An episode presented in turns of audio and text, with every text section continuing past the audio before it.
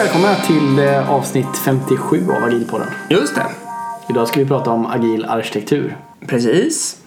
Men, Först säger vi tack till Informator Utbildning. exakt. In på agilpodden.se, klicka på informatorloggan, anmäl er till någon kurs och så anger ni agilpodden om ni gör det. Precis. Och sen får vi puffa för Instagram eh, Agilpodden. mm, och vår Gmail. Agilpodden at gmail.com. Exakt. Och slutligen då för vår bok också som heter Agile for Business som finns där böcker finns. Och även om man går in på vår Instagram så finns eh, direktlänk i bion där. Om man vill köpa Ja, den. Nu kör vi va? Ja, nu kör vi igång. Välkommen dagens gäst, Jan Grape. Ja, tackar så mycket. En återvändare. Just det. Ja, Ja. det var länge sedan jag var här. Ja, vi kollade faktiskt upp det. Vad sa vi nu då? Det var Avsnitt 15, agil skalning. någon gång i september 2017 sa vi va? Tror jag det var. Kan det ha varit ja. Det Ja. kan det ha varit. ja, precis. Då pratade vi safe och less och alla de där grejerna. Ja, och eh, Ja, idag blir det arkitektur istället. ja exakt. Precis. Och det blir ju fantastiskt spännande. Men eh, om nu någon mot förmodan inte skulle ha lyssnat på det avsnittet och kommer ihåg det så kanske du ska säga något litet ord om vem du är ändå faktiskt. Ja, visst. Eh, jag jobbar på CRISP som är ganska kända inom agilvärlden här i Sverige. Eh, som just nu som agil coach men jag har utvecklarbakgrund och så har jag faktiskt jobbat som arkitekt och utvecklare och jag jag har till och med varit piedestalarkitekt en gång på Telia. Vad är Eh, det för något? Det är ju de här äh, 15 skäggiga gubbarna som sitter i ett rum och, och, och, och tänker så här nu fattar vi beslut som ska gälla alla på hela företaget och så tror man att bara för att man skriver något i ett dokument Så händer det. Så händer det. Och så kallar man sig själv Enterprise Architecture. Eh, Ja, det var ju på svenska för det var Telia då men absolut. ehm, Det här börjar med en rant. Otroligt roligt. Ja, jo, det, Ja. men den var inte långt borta. Eriks, Den var Eriks inte- favoritrant Ja. dessutom tror jag. Den var inte lärde jag mig ett nytt ord i alla fall. Jag brukar kalla det för. PowerPoint-arkitekt. Det, det är sant. Det, det är ju mycket powerpoint och lite programmering. Eh, men det är inte så jag gillar att jobba med arkitektur. Fast det var otroligt lärorikt. Det visade sig att de här gamla skäggiga gubbarna på Telia på den tiden då. De var otroligt erfarna. Så att det var ett slöseri att ha dem. Ja, det brukar ju vara det. Ja, de hade eh, kunnat göra nytta. ja. Precis, jag ska väl säga då att jag menar min, min eh, vi, vi får väl ta min åsikt så snabbast här då. Jag är ganska allergisk mot folk, som- alltså arkitekter som inte kodar. Det är egentligen min eh, korta Alltså Ja. om man bara sitter med powerpoint och, och ska ta fram hur, man, hur teoretiskt borde vara. Och många gånger så tycker jag att de avskärmar sig från utvecklingsteam och vill inte vara nära utveckling och utvecklingsteam heller. Utan som du säger, de sitter i, i ett eget rum och så vidare. Eh, Det är ju katastrof då, anser jag. Jag måste säga att jag håller med där. Man måste vara jordad som jag säger. Alltså fötterna ner i myllan och, och fi- fingrarna i syltburken och allt vad det heter. Eh, men alltså det är skillnad på arkitekter och att jobba med arkitektur. Alla jobbar med arkitektur som utvecklar någonting Ja, eftersom är det. är ju bara en del eller syn på lösningen som vi skapar då när vi programmerar. Ja, precis. Jag ska bara säga det och återkoppla det till, min, till min, vad jag precis sa är också. Jag säger ju inte att alla som jobbar med arkitektur på en hög nivå är dåliga människor för det. det kan vara värt att notera. Men precis som du säger, ofta gånger är det slöseri med, med smarta människor liksom. Eh, Som istället hade kunnat göra mycket, mycket mer nytta närmare utvecklingsteamen. Ja, de har redan stängt av Erik. Du kommer inte kunna reparera det här. Det var inte meningen. Okej, bra. Vi- Men vi går, in på, vi går in på vad är arkitektur? Ja, ja men det, är- det är en bra fråga. Eh, ibland när jag berättar eller talar om det här ämnet för andra människor så, så brukar jag fråga det också. Och eh, det är inte många som har en bra definition på arkitektur. Men en definition som jag fick lära mig någon gång i början på 2000-talet det var att arkitektur det, det är de delarna av systemet som är svårast att ändra på. Eller som vi aldrig vill ändra på. De är Liksom. för jobbiga att ändra på Ja. tror jag du sa förut. Det stämmer. Eh, men, och, och det skulle ju kunna vara arkitektur men det är liksom ingen bra definition för man har ingen glädje av en sån definition. Bara okej, det där var svårt att ändra. Ja, men då tillhör det arkitekturen. Så man kommer ingen vart med den. Det är sant, den är inte så positiv nu. Nej, så en bättre definition på arkitektur det är eh, de delarna i systemet som ger systemets egenskaper och kvaliteter. Så vi har funktioner i systemet. Där har vi user stories och annat som beskriver hur de ska fungera. Men sen så har ju systemet eh, olika förmåga att utföra de här funktionerna. Det kan ju utföra dem snabbt eller långsamt, tryggt och säkert eller lite sådär one shot, kanske lyckas, man vet inte. Och så vidare då. Så, och det är själva kvaliteten på funktionen. Då, då menar jag inte buggigt eller inte utan liksom vilken nivå, var lägger vi ribban någonstans? Hur bra ska det till exempel? Hur fort svarar och sånt där? Exakt. Och eh, de delarna som avgör hur fort det går och hur snabbt det svarar och, och, och sådana saker. Det är de delarna som tillhör arkitekturen, de valen vi gör som utgör den här arkitekturen. Ehm, och, och om man undrar vilka egenskaper som, som jag tänker på systemegenskaper så, så är det just prestanda, tillgänglighet, säkerhet, modifierbarhet, skalbarhet, eh, testbarhet och användbarhet hör hit också. Mm, Okej. Mm. Och an- med anvar, användbarhet så menar du lite hur alltså man begriper vad man ska göra helt enkelt. Den rena UX-aspekten. Liksom. Rena UX-aspekten, eh, det är ju en egenskap som vi vill ha i systemet, att det är begripligt och användbart. Eh, Och vi kan ju göra lösningar som är helt obegripliga för folk att använda. Eller vi kan göra dem jättebegripliga för folk att använda. Och du kallar det icke-funktionellt liksom. Det tycker jag är ett gränsfall. Men okej, ja. Man kan sätta ett mått så säger vi så här att vi vill att användbarheten ska vara så hög att ingen begår några eh, misstag. jo, Då okej. kan vi mäta det med en siffra.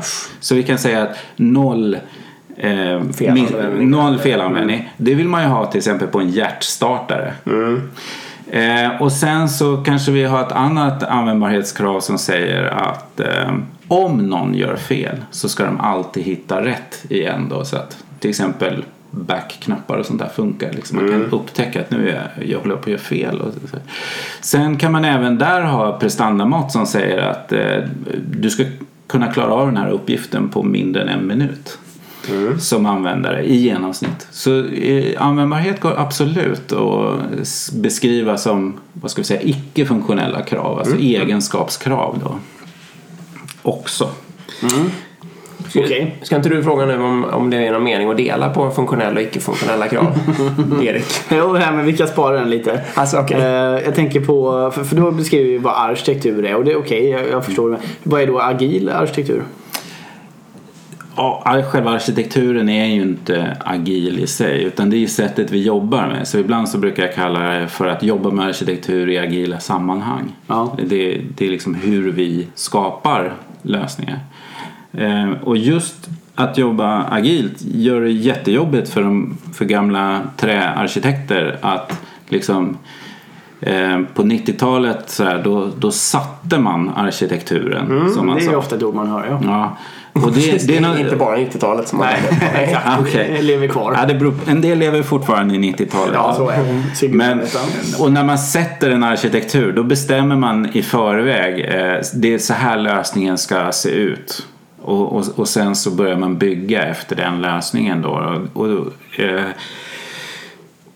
då kan man ju fråga sig vilka systemegenskaper är man egentligen ute efter? Eh, om man jobbar agilt då och någon har satt en väldigt komplicerad eller väldigt svulstig arkitektur så kommer eh, en Scrum Master och en Product Owner och frågar eh, vad har vi klart om två veckor? Då kanske någon säger ja men vi har liksom bara börjat fila på det yttersta skiktet av våran plattform här som vi håller på och bygger om vi har satt en alldeles för omfattande arkitektur.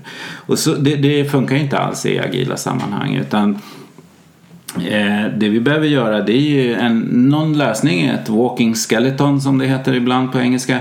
Eh, som vi kan få ut ur oss på, på väldigt kort tid. Två veckor, en månad eller någonting. Så vi kan mm, validera våra antaganden och sånt där. Och det kommer innehålla en lösning. På ett sätt kommer det se ut. Och sen vartefter vi jobbar framåt i tiden då med nya och påbyggd funktionalitet och nya releaser som når fler användare och större marknader och sådär. Då kommer vår lösning att behöva ändras med tiden. Så om vi inte kan bygga den här stora fina komplicerade lösningen på två veckor i första sprinten. Då måste vår lösning ändras med tiden. Så vår arkitektur kommer att ändras med tiden. Och det är det som är det agila sättet att jobba med arkitektur. Att man inte är klar med arkitekturen heller. Det är inte bara funktionerna som tillkommer. Nej, precis. För, för det är väl så kanske en mer traditionell arkitekt hade sagt då att nej, vi måste sätta boundaries eller ramar eller vi måste sätta grundplattan eller vad man nu kallar det. Och sen så visst funktionaliteten kan vi ju iterera fram lite men arkitekturen måste ju sitta. Ja, och om det som, som jag tycker man kan tänka då att arkitekturen bestäms av vilka systemegenskaper man vill ha, alltså hur snabbt och hur mycket det ska klara och så vidare. Så, säg att vi bygger en, en eh, konkurrent till Blocket här. Det händer ju vart tredje år att någon ska försöka knäcka Blocket och, och få ut en annonssajt som är bättre än deras. Då. Eh, så efter två veckor så ska vi få ut lite annonser på internet här. Ja. Så i, i vår allra första proof of concept, liksom, är, är folk intresserade av, av vår take på, de här, på en annonssajt? Hur många användare kommer vi ha då? Jättefå. Jättefå ja. Så behöver vi ha ett ehm, eh, kluster på Amazon med tusen burkar och massor med elasticitet och... eh, Antagligen inte. Nej. Utan vi kan ta eh, min gamla Raspberry Pi och driftsätta den. Och så kan vi köra ett provskott. Så då har vi en väldigt enkel arkitektur. För att vi krävde ingen prestanda i våra eh, systemegenskaper. Du behövde Första- någonting för att prova liksom. Ja. Och sen lite längre fram så eh, kanske vi har kommit så långt att nu har vi skapligt med annonser, vi har skapligt med användare och vi vill kanske öppna det till en bredare publik och börja köra en annonskampanj och få in folk som inte är jättedatorvana och sånt där. Då kanske vi behöver ha bättre systemegenskaper, vi ska tåla lite högre last, vi ska ha lite bättre användbarhet och sådana saker. Och då räcker det kanske inte längre med den här Raspberry Pi då för att den kanske är för vek. Den kanske inte är tillräckligt säker. Och så vidare. Då får vi ta till en annan lösning då. Och det här gäller ju både hårdvaran och mjukvaran men det är enkelt att tänka på hårdvaran. Och så småningom när vi är i eh, Facebook och Twitter-klass med våran eh, eh, annonssajt och har världsherravälde här. Ja men då vill vi ju ha den här stora molnlösningen då, då som ger oss eh, Superprestanda. Och skalbarhet och globala svarstider och så vidare. Exakt. Eh, så vi, och varför skulle vi sikta på samma tekniska lösning för de här, alla de här olika utgåvorna? Det ska vi inte alls göra. Så om vi jobbar med arkitektur på agilt sätt så går vi från lösningar som är skapta för det enkla fallet där vi har låga eh, krav på systemegenskaper till ju mer framgångsrika och omfattande vårt system blir då, desto högre krav ställer vi även på lösningen som sådan. Då, då. Vad är viktigt att tänka på i början då? Att inte låsa in sig på saker och ting som, som gör att, att, man, att man inte låser fast sig vid saker och ting som man inte kan ändra på sen. Eh, måla in sig i ett hörn. Eh, så att, att jobba med arkitektur på ett agilt sätt är, är också konsten att skjuta på beslut. Just det, det var din tes på Agila Sverige. Ja, jag pratade om det här på Agila Sverige. Ja, det, det var en, en grej. Och det, det finns ett begrepp inom flygindustrin som heter last responsible moment. Mm. Och det är ju om ditt plan håller på att störta så kan du fatta ett beslut att ska vi vända tillbaka till flygplatsen eller ska vi nödlanda på ett fält eller ska vi krascha i oceanen som vi är över just nu. Och ju längre tiden går desto mer information har du ju. Du, du får ju reda på vad som är fel på planet och hur allvarligt det är och sådär. Samtidigt så rinner ju tiden ut och det kanske är så att du kommer för långt ifrån flygplatsen så du kan inte vända tillbaka. Tappar längre. höjd eller ja, vad det Och kan tappa vara. höjd. Så eh, dina alternativ eh, minskar men din information ökar. Och någonstans längs den här så korsar de här kurvorna varandra. Och då, där har vi last responsible moment. Du kan fatta ett beslut om vad du måste göra baserat på maximal information medan du fortfarande har ett val att göra.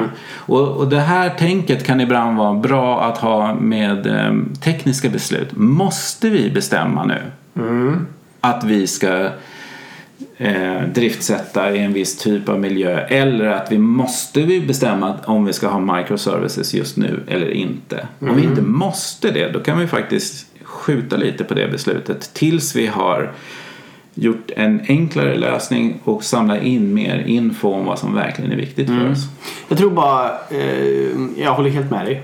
Jag tror varför inte det sker i praktiken tror jag beror på att legacy finns. Alltså just det här att man är van vid eh, liksom en on-prem lösning som är, tar evighet att flytta till molnet. Liksom, och då blir det så här, men om vi har chans att bygga nytt nu. Det är klart vi måste bygga det serverless i Amazon eller det är klart vi måste använda de senaste teknikerna och göra, liksom, förstår du? För man vill liksom bara komma ifrån det här legacy gamla på något sätt.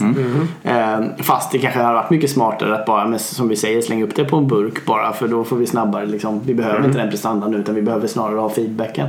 Och så har vi som mål på att det här ska bli en global tjänst och så vidare. Och det är ju inget fel att ha ett tekniskt mål. Det är ju jättebra. Så om vi vet att vi vill vara serverless och så vidare i framtiden så, så kan vi ändå eh, driftsätta på en mycket enklare miljö. Din laptop eller en Raspberry Pi i den allra, allra första testutgåvan av någonting som bara kommer att användas för något icke-kommersiellt syfte, mest för att samla information. Då, eh, när vi gör våra teknikval så, så vet vi att vi har en, en målbild, en målarkitektur som vi tror just nu att det är nog där vi kommer att landa. Vi vill köra lambda exempel. Ja men precis. Eh, och då kommer vi kanske att bygga vår mjukvara på ett sätt som gör den så att säga lambda-vänlig då, så att vi kan köra serverless i, i eh, Amazon-molnet sen då, då. Men vi måste ju inte gå till den tekniska lösningen det första vi gör. Vi behöver inte investera i det nu förrän vi vet ens om vår produkt är någonting att ha. Nej, nej, jag håller med. Mycket sant. Mm, väldigt bra. Problemet är ju då de här Enterprise-arkitekterna och så vidare som ska bygga den här foundation först bara liksom. Ja. Att vi ska sätta det här först och finns inte det där så kan vi inte liksom göra, komma vidare och så vidare då. Ja, även här är det ju rätt intressant. Enterprise-arkitektur. Eh, på eh, 2000-talets eh, början och för, eh, ja, även 10-talets början så, så var det ju populärt med Enterprise-arkitekter och eh, modeller av sitt Enterprise som skulle täcka liksom hela företaget. I- Informationsmodeller var jättepopulärt och ehm, SOA var jättepopulärt och det som gick på de här eh, servicebussarna då, Service Oriented Architecture det som gick på de här meddelandebussarna då, det var ju information enligt någon global för företaget informationsmodell. Eh, och det, det är helt bisarrt. Jag jobbar på ett eh, annat svenskt eh, telekomföretag eh, där eh, eh, man skulle skicka kunddata mellan eh, olika eh, tillämpningar. Det var fronten på en webbutik och, och sen backend då som skulle eh, peta igång folks eh, telefonabonnemang när de hade köpt någonting i webbutiken. Och själva kundobjektet hade 2000 attribut. Ja, det ska täcka allt liksom. Ja, och så blir det om man ska, om man ska ha samma modell över ett helt Enterprise. För det här begreppet kund, det finns hos kundtjänst, det fanns i webbutiken, ja, ja, ja, ja. det finns i telenätet, det finns eh, de som håller på med fakturahantering. Alla har ett kundbegrepp. Och om man tar allas kundbegrepp och så säger vi ska ha samma kundbegrepp över hela företaget. Då blir det 2000 attribut på det där. Medan det enda vi behövde veta det var ju liksom eh, vi skulle skicka saker hem till dem så vi ville ha deras adress. Ja. Vad hette det, när man skulle råka behöva det 2001 då liksom, hade man, hade man tänkt på det eller var det bara en icke? Nej, då blev det ju jobbigt för att eh, alla, alla, alla tjänster som, som höll på med kundobjektet då behövde naturligtvis uppgradera sig. Ja, det hade blivit så ja. Ja, men här kommer ju eh, Domain Driven Design till, eh, till räddning. Då, då. I, I Domain Driven Design så tänker man ju så här att, att eh, det, vi delar in eh, ett företag i olika eh, de kallar det för bounded context med olika domäner eller områden och inom den här domänen, säg till exempel eh, försäljning över webben, den domänen, där, där behöver vi veta vissa saker om en kund. Medans faktura-domänen, de behöver veta lite andra saker om en kund. Så att det finns någonting som heter kund på båda ställena men det är faktiskt inte samma kundbegrepp utan man ger det en eh, begränsad område att här eh, eh, gäller det ena kund och begreppet och där borta gäller ett annat kundbegrepp. Och det här kallas i Domain Driven Design för bounded context. Och om man vill eh, eh, ta någon kartmetafor här så kan man säga att arkitekturen måste variera med terrängen i företaget. Är man i en del av företaget till exempel nu pratade vi om en del av informationsarkitekturen men även den tekniska arkitekturen så är man i en del av företaget till exempel där realtid är jätteviktigt. Det ska gå fort. Mm. Här borta har vi telefonväxlar som kopplar faktiskt de fysiska samtalen eh, över mobilnätet. Och där ska det, det ska ju gå fort. Mm. Det ska det vara på ett sätt. Eh, Medan eh, ett frontend eh, webb eh, del av företaget som presenterar information om produkterna och kanske har en liten FAQ och sådana här saker. Där är det andra egenskaper som är viktiga. Mm. Eh, realtid är inte så viktigt, däremot kanske responstid totalt sett får inte bli för segt bara. Mm, mm. Men det, förutsägbarheten på svarstiden är inte riktigt, riktigt lika noga med. Och, ehm, eh, så då ska det vara helt tek olika tekniska lösningar där. Och, och, som sagt även informationsbegreppen, även om de kallar dem så kommer ju också vara olika där. Så det är en annan sak i Enterprise-arkitektur att man måste ju stycka upp den i olika domäner då och säga att här jobbar vi på det här sättet, mm. där jobbar vi på ett annat sätt med både teknik och information. Jag får bara kolla det här domäntänket. Tänkte man sig då um, alltså ett visst attribut, typ namn eller någonting? Försökte man liksom standardisera det eller var det fritt då? Kunde den ena gäng, domänen ha fri text och den andra ha förnamn och efternamnstänk till exempel? Ja, alltså problemen får man ju när man ska skicka eh, information ja, över domängränserna. Det är efter förstås. Ja. Så eh, om, man, om man är osmart så, så får man ju de här problemen, eller hur? Ja. Eh, och Eh, lösningen på det, det är ju att man gör en överenskommelse mellan domänerna. Som, eh, och här kommer ju sådana här tänkt som kontraktbaserad programmering och sånt där in. Att vi gör en överenskommelse eh, som vi dokumenterar i kod. Liksom, att det är så här du och jag kommer att kommunicera. Vi kommer att skicka det här kundobjektet på det här sättet och så vidare. Eller så gör man en, en, en ja. sån här modell där man publicerar och säger att okej, okay, eh, den information vi har om kunder, det är den här informationen. Så om ni frågar oss efter kundinformation, då är det det här ni får. Vi har inte mer. Det är ett standardiserat gränssnitt som är väl beskrivet. Det är lite det du säger liksom. Ja, men det är också, man försöker inte täcka in hela världen. Nej. Utan man täcker de ömsesidiga behoven ja. som, man kan, som man kan identifiera. Då, då. Ja, jag fattar. Okej, hur ser du på de olika nivåerna av arkitektur då just med lösnings... För menar, många gånger så finns det ju typ mjukvaruarkitektur, det finns lösningsarkitektur och sen då Enterprise. Mm. Om man tar de tre till att börja med. Och nu pratar vi om någonting nyss då som liknar Enterprise-arkitektur. Mm. Jag, jag tycker det är, är svårt att säga de strikta definitionerna på de här nivåerna. Eh, ja, men, men borde man ens ha de olika nivåerna? Finns det jag tror det kan vara ganska bra just med det här domäntänket eh, att för ett system som vi bygger så, så kan vi ha en intern arkitektur, en intern lösning. Det är så här vi bygger vårt system. Mm. Men sen ska ju där finnas då tillsammans med ett företags alla andra system och tjänster som ja. de själva har och som de nyttjar då som, utav tredjeparter till exempel kreditkollare och sånt där. Ja. Eh, så man kan nog tänka sig att det finns både ett mikro och ett makroperspektiv på, på arkitektur, absolut. Mm. Eh, och lösningsarkitektur, det är kanske det vi oftast tänker på. Det är liksom när vi är ett team som bygger ett, eh, ett system och, och vi följer det som står i agila manifestet. Liksom så där. Då, då handlar det ju väldigt mycket om vad ett team eller några få team kan bygga ihop för grunka. Mm det är ju knappast Enterprise-arkitektur utan det är ju mera det, eh, mm. lösningsarkitektur då för ett, ett system. Mm. Ehm, och sen, nu har jag jobbat med till exempel självkörande bilar och där finns det ju eh, två sorters arkitekturer till. Ja. Det är ju den elektriska komponent, elektronikarkitekturen. Till exempel i en självkörande bil så har man ju naturligtvis mjukvara men den kör ju på någonting. Och den kör på elektronik som finns i bilen. Då. Så det finns en elektronisk kan vi säga arkitektur där. Men sen så är ju en bil är ju en fysisk grej som rullar. Så där finns det en fysisk mekanisk arkitektur alltså som liknar hus- husarkitektur mycket mer. Alltså var sitter de här prylarna rent fysiskt? Stoppar man dem under i bakluckan eller så här?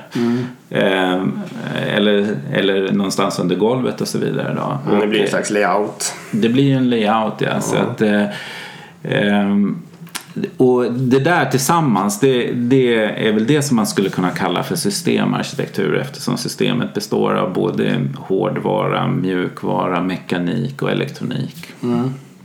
Mm.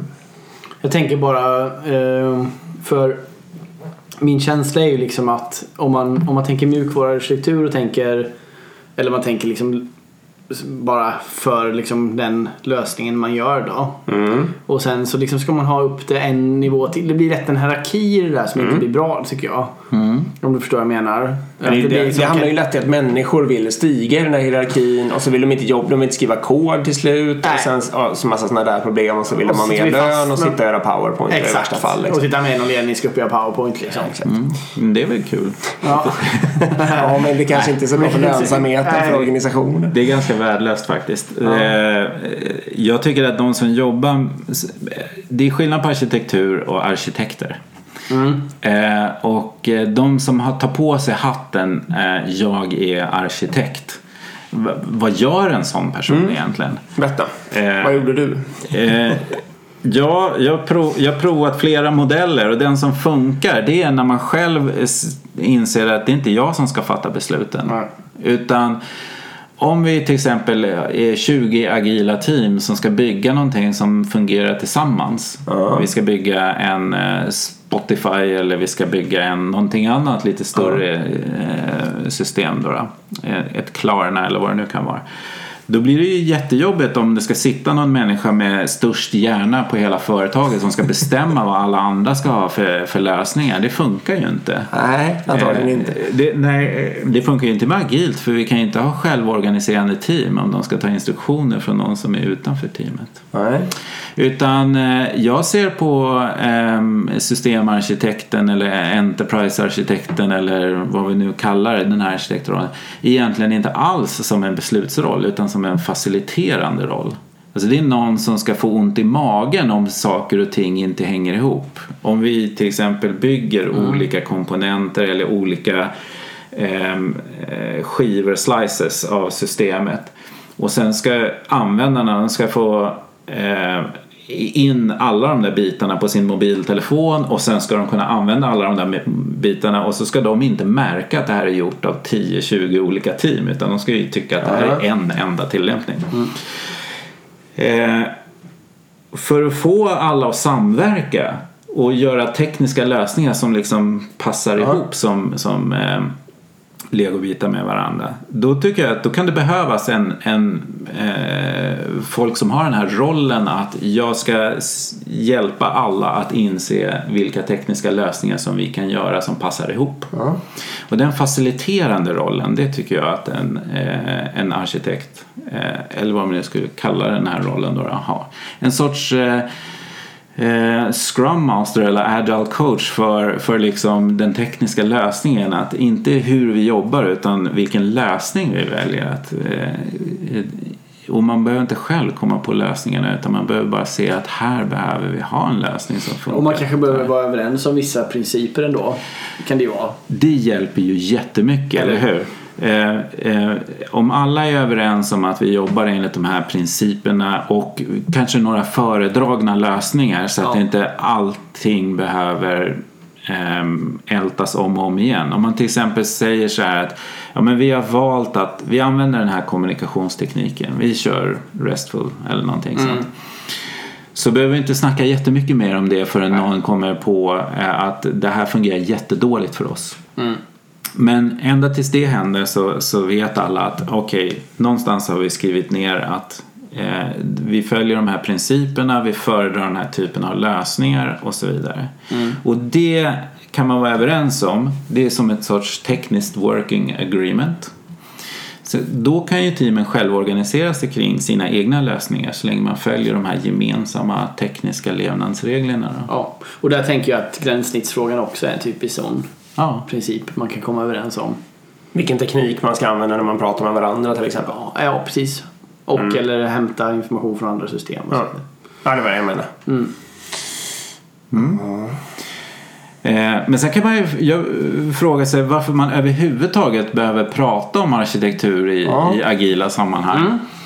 Mm. Eh, och det gick ganska lång tid tycker jag inom eh, den agila rörelsen innan man, innan man började bry sig om det här. Eh, och, och det beror ju på att Skrum och vi tar Skrum som exempel. Eh, någon kommer och säger att ah, det funkar inte så bra på vårt företag, kan du komma och hjälpa oss? Och, eh, eller vi är nyfikna på att hitta nya arbetssätt att jobba. Då tittar man ju på eh, organisationens arbetsprocesser. Ja. Gå ifrån traditionell projektledning med planstyrda projekt och gå över mot eh, backlog-orienterat och självorganiserat och eh, sånt eh, agilt fint. Då har vi ändrat processerna. Eh, ganska snart så kommer vi också upptäcka att eh, vi måste organisera om oss för att eh de grupperingar vi hade tidigare kanske med alla testare i huset mm, där borta mm. och alla frontändare i det andra huset. Det är mycket enklare om vi skapar tvärfunktionella team. Mm. Så då, en, då ändrar vi både arbetssätt och så ändrar vi organisation. Mm. För vi skapar nya team på nya sätt istället. Och vi kanske ger teamen en, en bredare uppgift än att bara bygga en liten komponent. De får, de får ta liksom en del av businessen också, då, det allra bästa. Eh, men det finns en tredje part som påverkar organisation. Om ni känner igen Conways Law. Som mm, brukar mm. komma upp ibland. Conways Law den säger ungefär så här att den tekniska arkitekturen och organisationen de blir spegelbilder av mm. varandra. Mm. Enkelt kan man säga så här att om vi ber två team eh, bygga ett system, mjukvarusystem och sen så sätter vi dem på varsitt våningsplan med en trappa emellan. Då kommer det här systemet att bestå av två stora teknikbitar med ett interface emellan. Mm. Så till och med trappan blir liksom mm. modellerad. för man vill inte springa i den hela tiden. Alltså eh, för, för att prata om vad vi ska stoppa in här. Utan då sätter man sig ner och bara spikar. Att det är det här, mm. eh, vi, eh, den här informationen vi skickar till varandra så kan vi jobba för oss själva sen. Mm. Så eh, organisation och arkitektur hänger faktiskt ihop. Ja. Har vi skruvat processer och skruvat på organisationen så måste vi också inse att om vi skruvar på organisationen så börjar vi också avspegla den i arkitekturen mm. på grund av den här Conways law. Då. Och det är ju väldigt sant. Ja. Eh, och det roliga är att det finns ju koppling också till våra arbetssätt. Om vi har gjort en jättekrånglig arkitektur så kommer vi ju vara tvungna att jobba på ett visst sätt för att eh, arkitekturen tillåter inget annat. Jag kan ta ett exempel från verkligheten. Ehm, ett företag som har en ganska komplicerad monolitisk arkitektur som mm. är så känslig att driftsätta att det är bara några få personer som kan det. För det är, det är väldigt eh, precis arbete mm. som mm. måste göras. Och det betyder ju att i agilt sammanhang så tittar vi på det där och säger titta vi har nyckelpersonsberoende och flaskhals här, det är jättedåligt. Ja. och så säger den, ja men hur gör vi då? då? Ja men om, om vi bara har en som kan driftsätta eller två eh, för att bli av med den här flaskhalsen så vill vi ha fem till som kan göra det. Ja. Och då säger ju någon så här, men det kan vi inte ha för eh, systemet är så komplicerat att det tar flera år för de här tre till att lära sig det här. Ja. Så då står ju arkitekturen i vägen för en processförbättring. Mm. Verkligen. Så om vi nu som agila coacher så här går in och skruvar på processer, skruvar på organisationen så kommer vi att behöva skruva på mm. den tekniska arkitekturen också. Mm. Ja, det, var en bra, det var ett bra sätt att förklara Conways lov tycker jag. Att om man har två team, en trappa emellan. Ja, så faktiskt. Man får en arkitektur som består av två våningsplan med en trappa emellan. Eller något som liknar det. Mm, det ska jag komma ihåg. Ja, faktiskt. Ska vi hoppa in bara på det här med vad, för manifestet nämner ju något om arkitektur också. Mm. Det Läs upp. manifestet. Du har det framför dig va? Jag har det framför mig här och det är då eh, princip nummer 11 Just det. som säger att den bästa arkitekturen, kraven och design ja, emerge kommer från kanske då eh, självorganiserade team. Mm. The best architecture requirements and design emerge from self-organizing teams. Mm. Och det, det bästa är att det står att det är det bästa bara så vi vet det då. Mm. Eh, Best- det best practice. Det kan, precis. Det kan inte bli Kan det kan bli bli bra men det kan inte bli bäst Nej. på något annat sätt. Jag håller inte riktigt med om det där att äh, allting kommer sig av att man äh, att det bara växer fram äh, som en del tolkar det här med emergent eller så. Utan ähm, jag tycker det är ganska bra att man tänker lite i förväg men man behöver inte implementera. Det, tänka går ganska fort. Ehm, Det, det tar inte så lång tid för oss att stå framför en whiteboard och spåna lite grann och ha en idé om vart vi skulle kunna gå. Och några principer på vägen kanske. Och några principer på vägen. Och sen så bygger vi och testar de här idéerna. Och då ser vi om de var bra eller dåliga. En del tolkar det här emergent som att vi inte ska tänka någonting i förväg. Utan bara vi får se vad det tar vägen, eller det växer fram. Ja, och det tror jag inte alls eh, nödvändigtvis le- leder till den bästa lösningen. Utan eh, det är ju när vi använder våra eh, hjärnor och funderar lite mer på, okej, givet de här systemegenskaperna som vi vill ha, vi vill att det ska vara snabbt eller långsamt, eller det behöver inte vara snabbt och långsamt just nu. Då då kan vi bygga på det här sättet och sen ser vi eh, efter två veckor när vi har releasat om det är bra, tillräckligt bra eller inte. Och sen så för nästa runda då, så kanske vi behöver skruva lite grann på det här för att vår omgivning och vår miljö ändras då, eller för att vi har kommit på smartare sätt att göra saker på.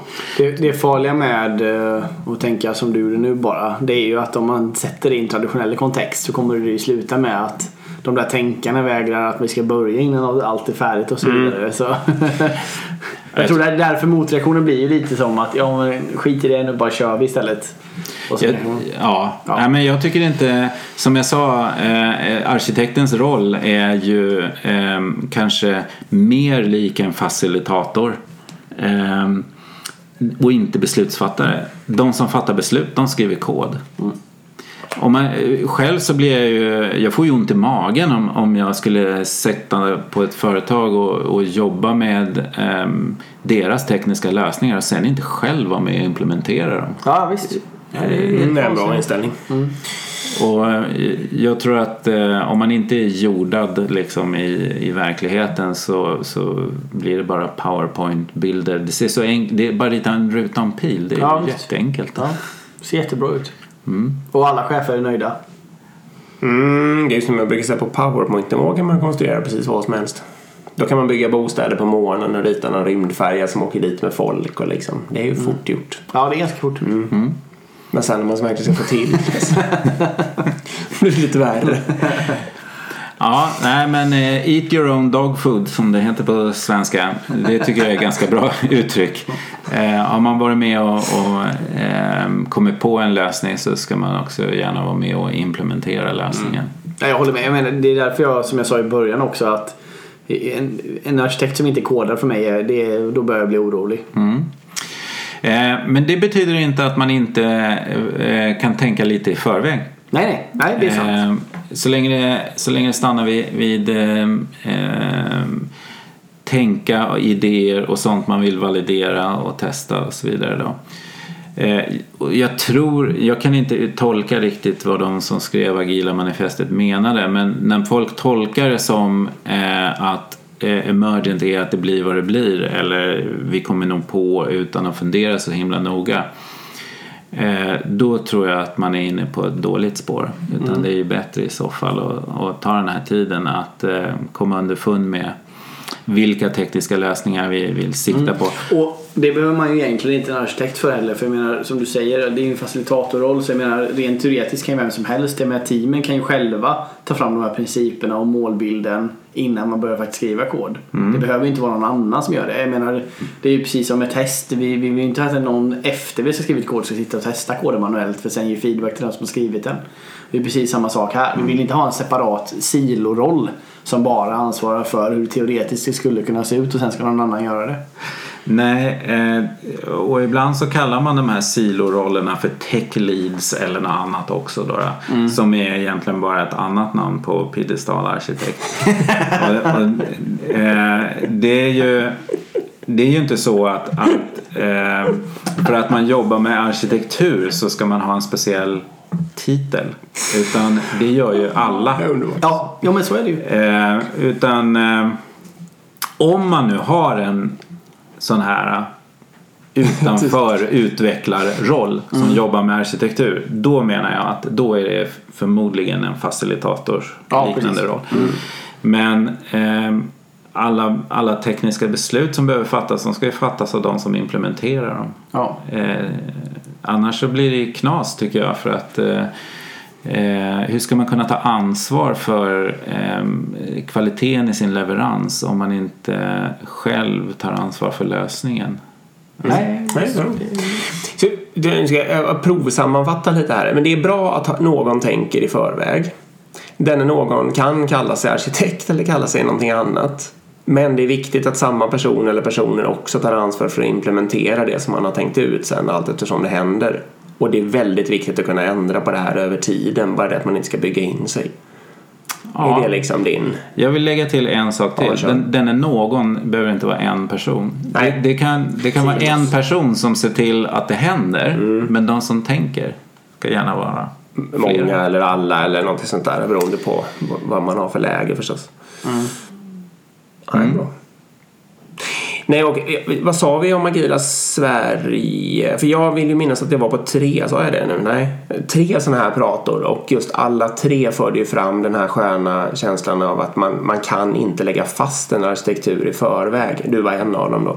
Eh, utan man måste vara beredd på att ändra hela tiden. Och det var väldigt uppfriskande för det har jag inte hört det liksom. Som, jag har tänkt det själv ofta att arkitektur är en fälla. Ehm, och ja, om man ska göra den här perfekta planen innan så kommer man ju aldrig komma någon vart och så vidare. Men nu var det som helt, helt plötsligt var en jättetydlig spaning liksom från hela Agila Sverige där i maj i fjol. Mm, mm. Eh, jag tyckte det var roligt att det blev ett sånt eh, ett litet ämne eller litet eh, område som Tema. Eh, tema var det jag letade Ja. efter. Precis. Eh, och eh, själv försökte jag lyfta fram just den biten att det finns en egenskap i systemet som man är ute efter som vi gillar i agila sammanhang och det är egenskapen modifierbarhet. Just det. Och det är det här då att inte måla in sig i ett hörn och låsa saker alldeles för tidigt för att då kan vi inte ändra på dem kanske då. Utan att man ehm, eh, gör lösningar som inte är generiska men som innebär att vi, in, att vi kan refaktorera oss därifrån till en ehm, eh, måttlig kostnad. Liksom. Ehm, jag vet inte om ni är bekanta med begreppet real options. Nej. Eh, real options, eh, option, det kommer ju från eh, det är en kille i England, Chris Matts, som har hittat på det här begreppet, tror jag. Och eh, Chris, han gör som många andra i, i, i London, jobbar i finansbranschen ganska ofta med agil utveckling och där finns ju finansiella optioner. Och en option det är helt enkelt en valmöjlighet.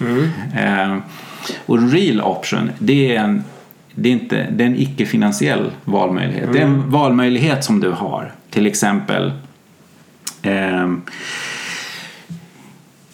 efter jobbet så ska du med familjen kanske åka iväg på restaurang eller inte. Så, Restaurang eller hemma liksom. Restaurang eller hemma. ja. Och åker du på restaurang så kanske du vill eh, inte ha den slaskigaste t-shirten på dig. Eh, så om du tänker så här, eh, okej, eh, jag vill ha valmöjligheten att åka till restaurang eller åka hem och käka lite beroende på hur vi känner oss när arbetsdagen närmar sig mot slut. Om du vill ha den valmöjligheten då tar du en, en hyfsat snygg skjorta som du inte behöver skämmas för om du går in på restaurangen med den. Så när dagen kommer till sitt slut så har du fortfarande den här optionen kvar, valmöjligheten, hem eller restaurang. Om du tog den slaskiga t-shirt- t-shirten då kanske du tänker så här du den här har inte ens tvättat på en vecka så jag vill inte gå på restaurang. Så då har du tagit bort den valmöjligheten. Så en real option som du har där nu då, det är ju restaurang eller hemma då. Och eh, i, i eh, arkitektursammanhang då, då så är det de här besluten, måste vi ta dem just nu? Eller kan vi ta ett bes, beslut eh, senare istället? Och vad väljer vi för lösning nu? Som inte utesluter framtida valmöjligheter. Mm. Okej, man vill ha så, eller ja, man vill ha rimligt mycket real options. De viktiga real options ska vara kvar liksom. Där man behöver samla information. Där vi inte riktigt vet ännu vilken väg vi ska gå. Så då tänker vi så här, men då väljer vi en teknisk lösning som inte utesluter andra vägar. Eh, och, och man kan ju till och med skapa optioner precis som eh, så man kan välja en teknisk lösning som ger oss möjligheten till ett val senare. helt Ja, så är det ju verkligen. Eh, Eh, Så jag brukar alltid tänka på att eh, när man jobbar med arkitektur agilt så är det väldigt mycket att eh, försöka hitta vilka valmöjligheter måste jag bevara och vilka grejer kan jag besluta om just nu. Så att hela tiden eh, hålla sig borta från att måla in sig i hörnet då. För har man gjort det då är det bara att sitta där tills eh, färgen torkar och projektet blir klart.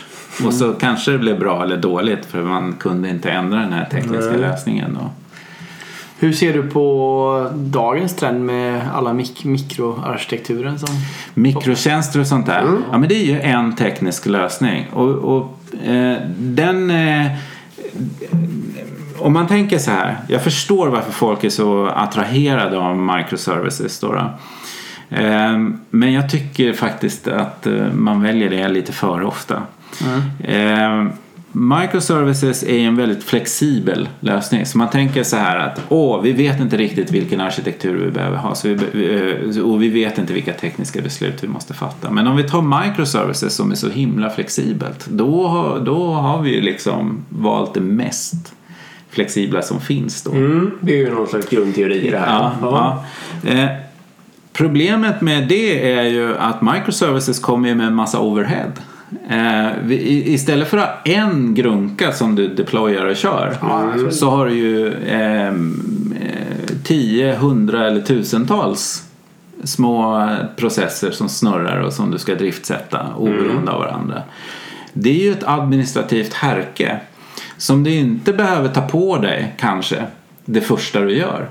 Utan eh, eh, hellre bygg en monolit eh, ända tills du vet att du måste slå isär den där i separata tjänster.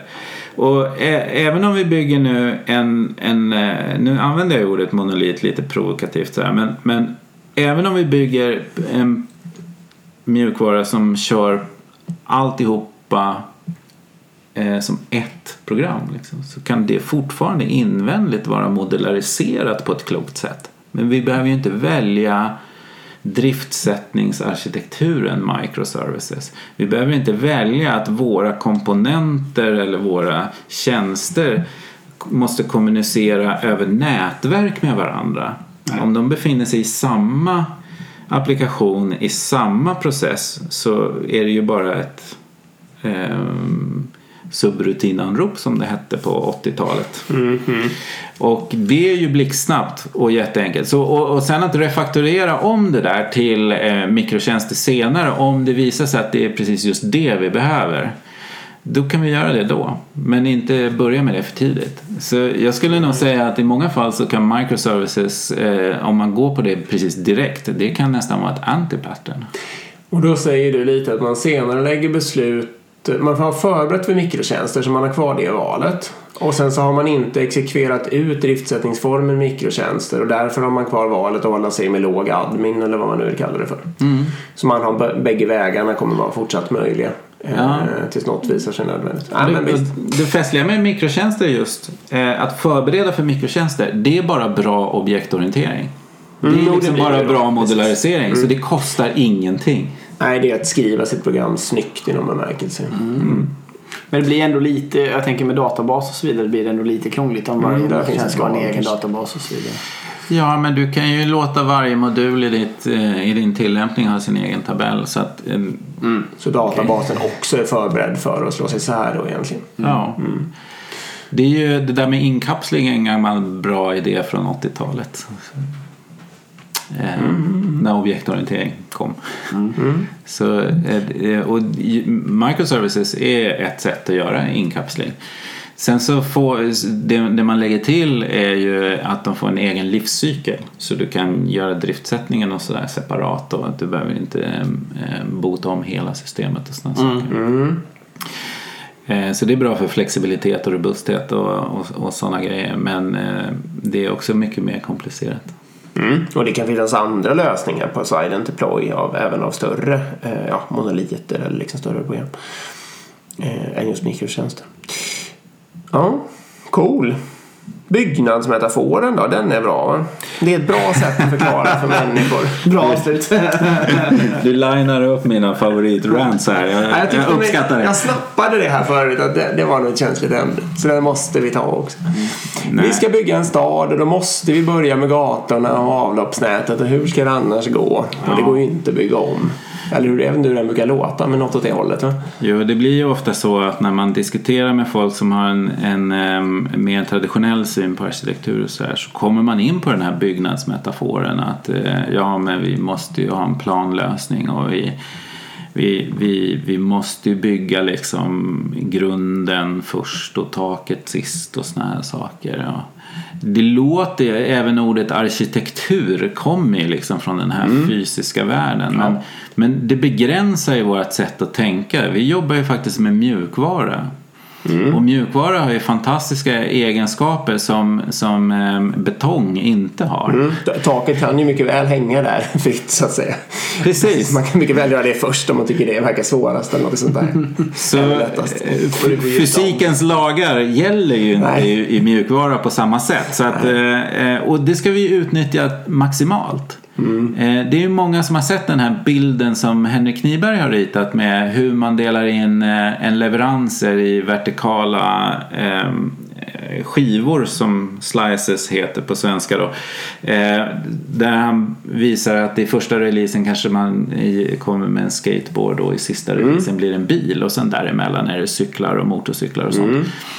Och i den fysiska världen så verkar det helt sjukt naturligtvis. Det är ju ingen som tar en skateboard och bygger om den till en cykel.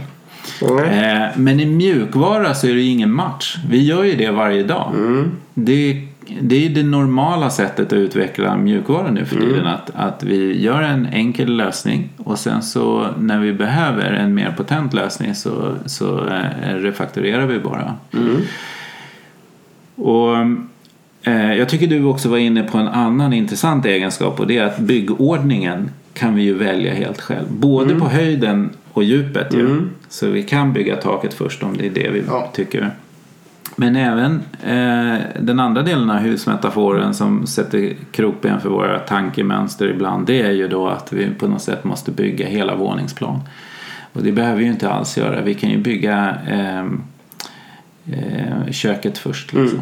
Ja. Och inte ha något vardagsrum. Och klara oss riktigt bra hur länge som helst. Jo, nej, men precis. ja, precis. Och översatt så innebär det att man kan alltså bygga en fake backend och bygga ett GUI först Ja. utan till exempel. En bra exempel på det. Ja, precis. Hårda backenden bara och Ja. sen så kan du visa allt i frontend. Det är ju en klassiker om man vill göra någon sån där lean, eh, vad det nu heter. Alltså testa en idé. Liksom. Startup. Ja. Lean Eh, startup-grej. Ehm, till exempel. Eller man kan också vara precis tvärtom. Att man vet att backen kommer bli jättesvårt. Och man ser det som en stor teknisk risk. Och då kanske man vill börja med att bygga det och se att det funkar innan man ger sig, slösar med att göra något annat. Liksom. Om det är det caset man har. Ja, det finns ju många principer att, att, att slicea efter. Eh, och ni pratade om, om eh, till exempel risk.